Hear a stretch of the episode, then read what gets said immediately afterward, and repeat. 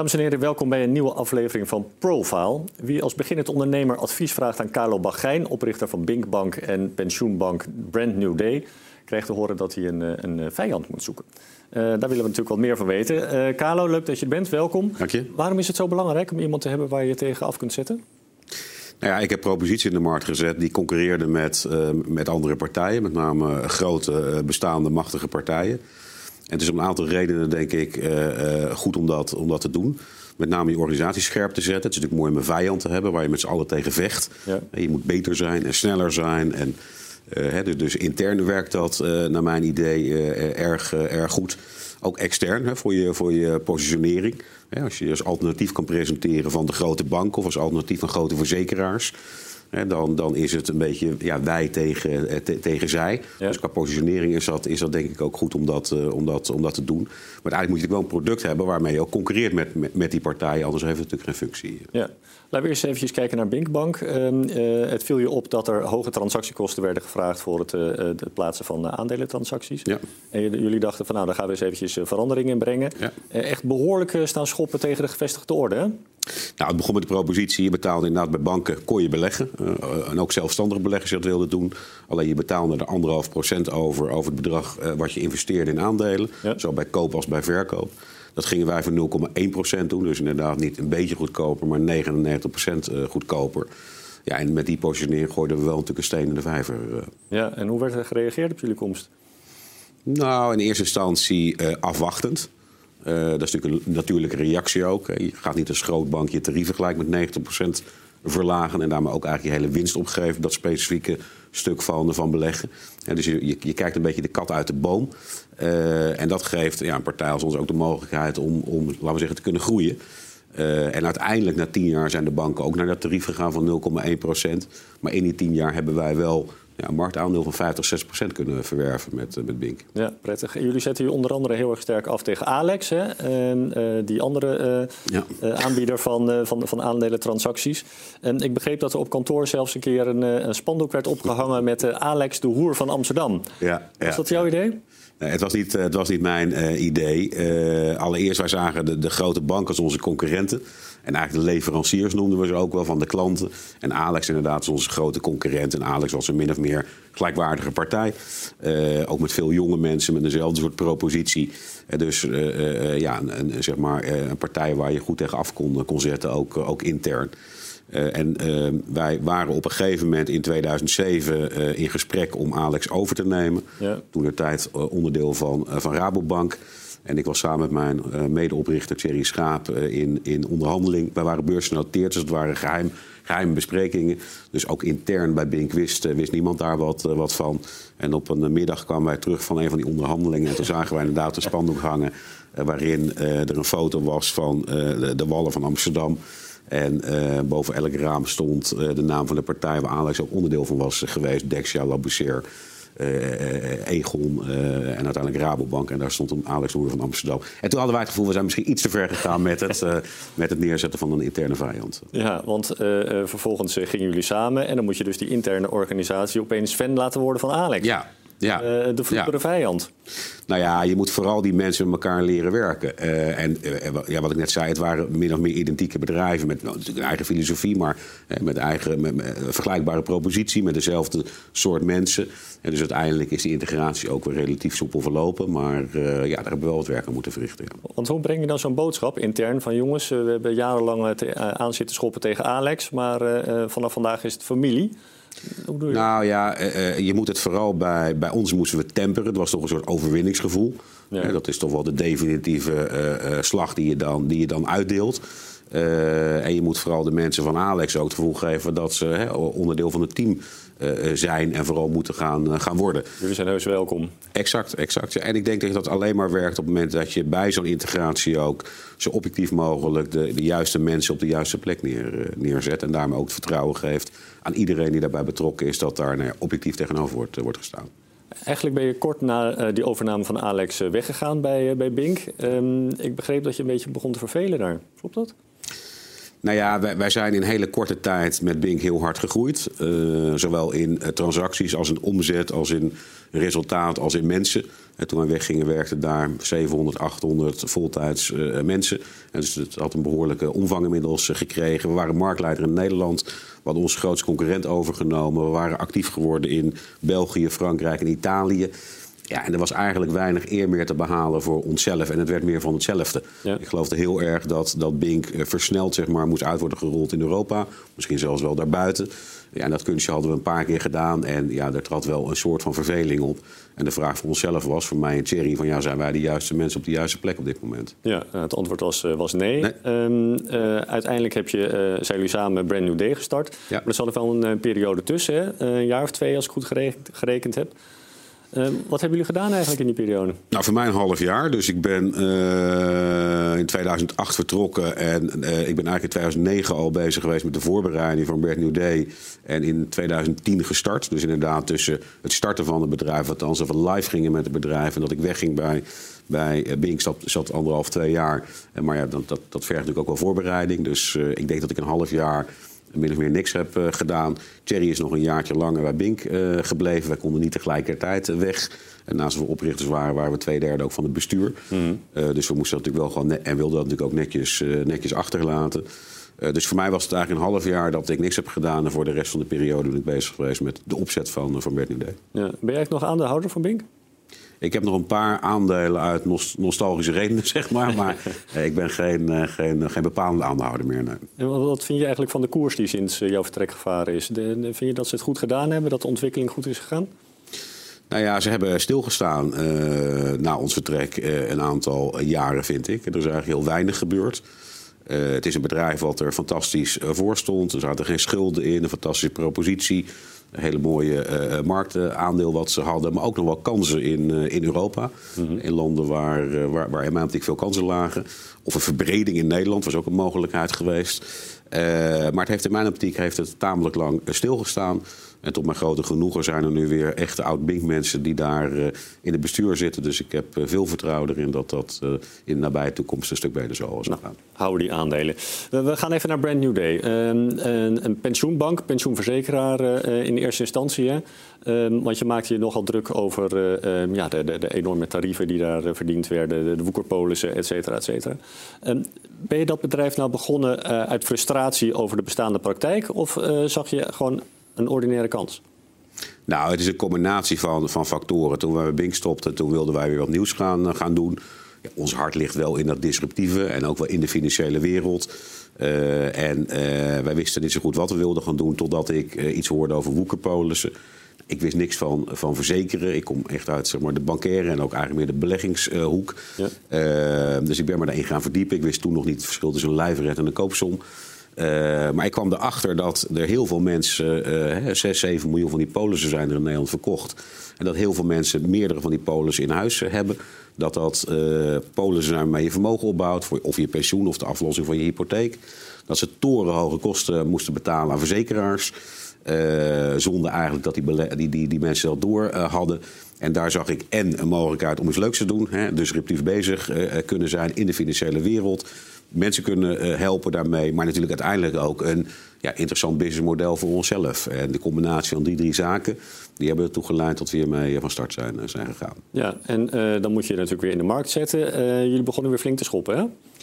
We gingen vrij fanatiek uh, van start.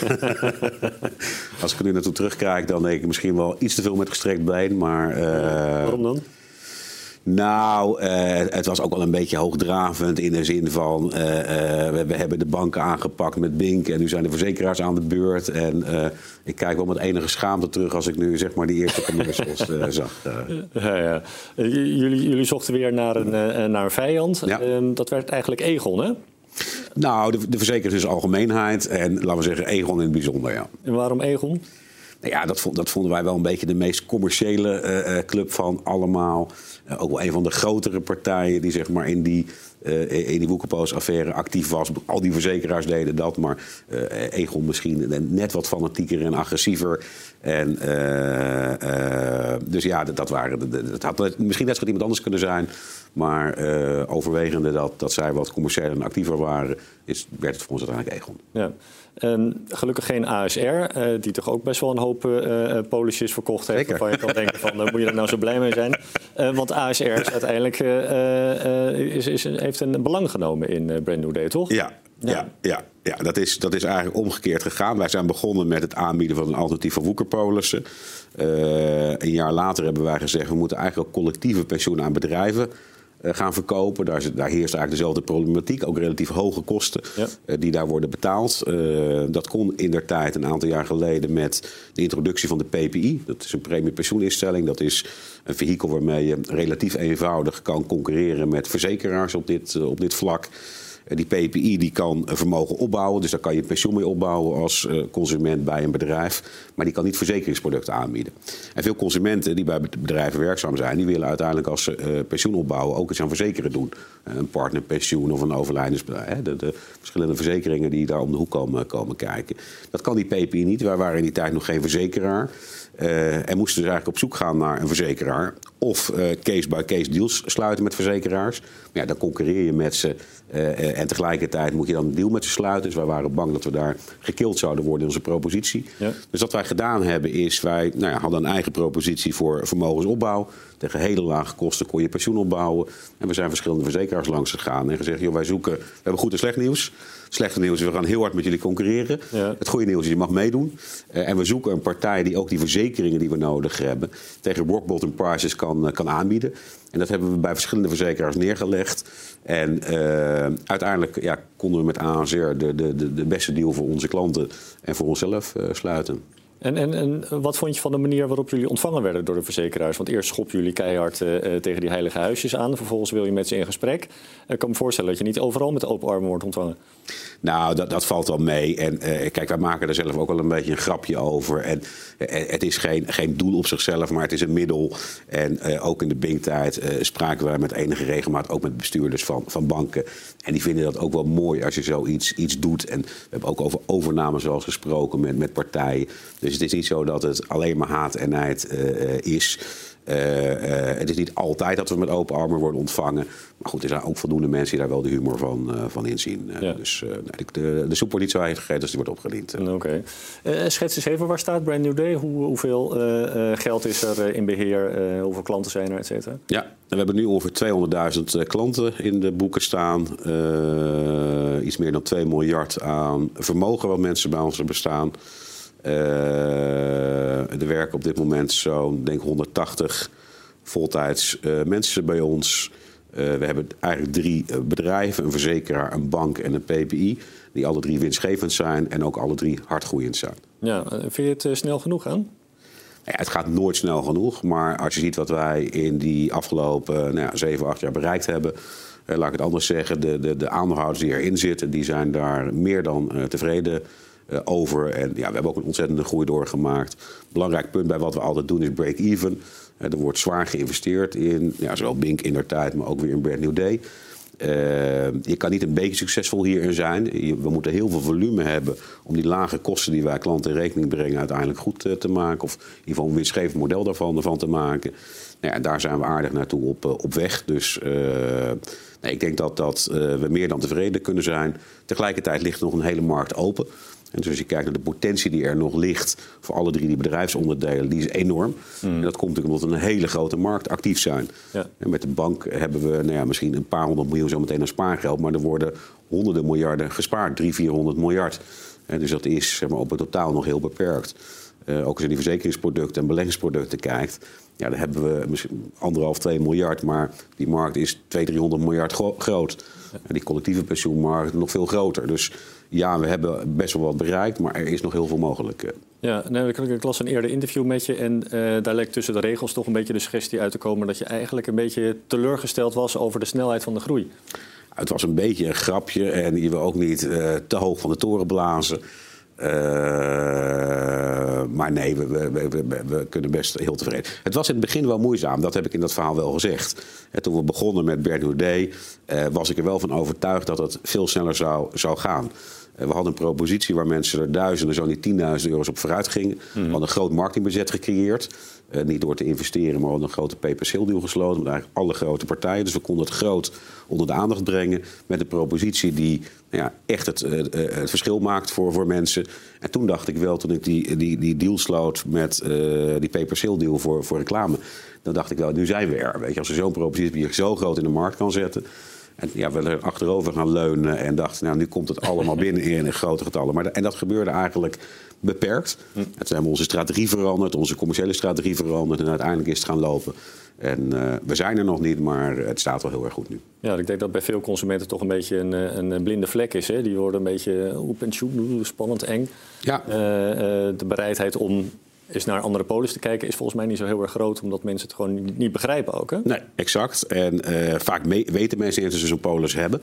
dus die polis is ook vaak gekoppeld aan hypotheken. Je werd dan verplicht om zo'n polis af te sluiten als je een hypotheek nam. Ja, dan ben je vooral bezig op dat moment met de, de waarde van de lening van, hè, die je kan krijgen. En niet zozeer met productjes die je daarbij moet afsluiten. Ja. Uh, alleen wij dachten toen in 2009 en 10 was, uh, laten we zeggen, de aversie tegen grote verzekeraars en grote banken heel erg hoog in Nederland. Uh, mensen hadden echt het gevoel dat ze gepakt uh, waren. Dus wij dachten dat men wel wat sneller bereid zou zijn om die polis uit de kast te pakken en naar ons toe te sturen en hem uiteindelijk over te sluiten. Ja. En daar hebben we in het begin best, best moeite mee, mee gehad. Heb, heb, je nou het idee dat je uh, de markt veranderd hebt? Zijn de grote partijen anders gaan opereren sinds jullie komst? Nou, als je kijkt naar uh, die polissen, daar zijn bij heel veel polissen of alternatieven neergezet door verzekeraars. En in sommige gevallen de prijzen ook, ook aangepast. Als je kijkt naar de collectieve pensioenmarkt, is dat, is dat, is dat zeer zeker gebeurd.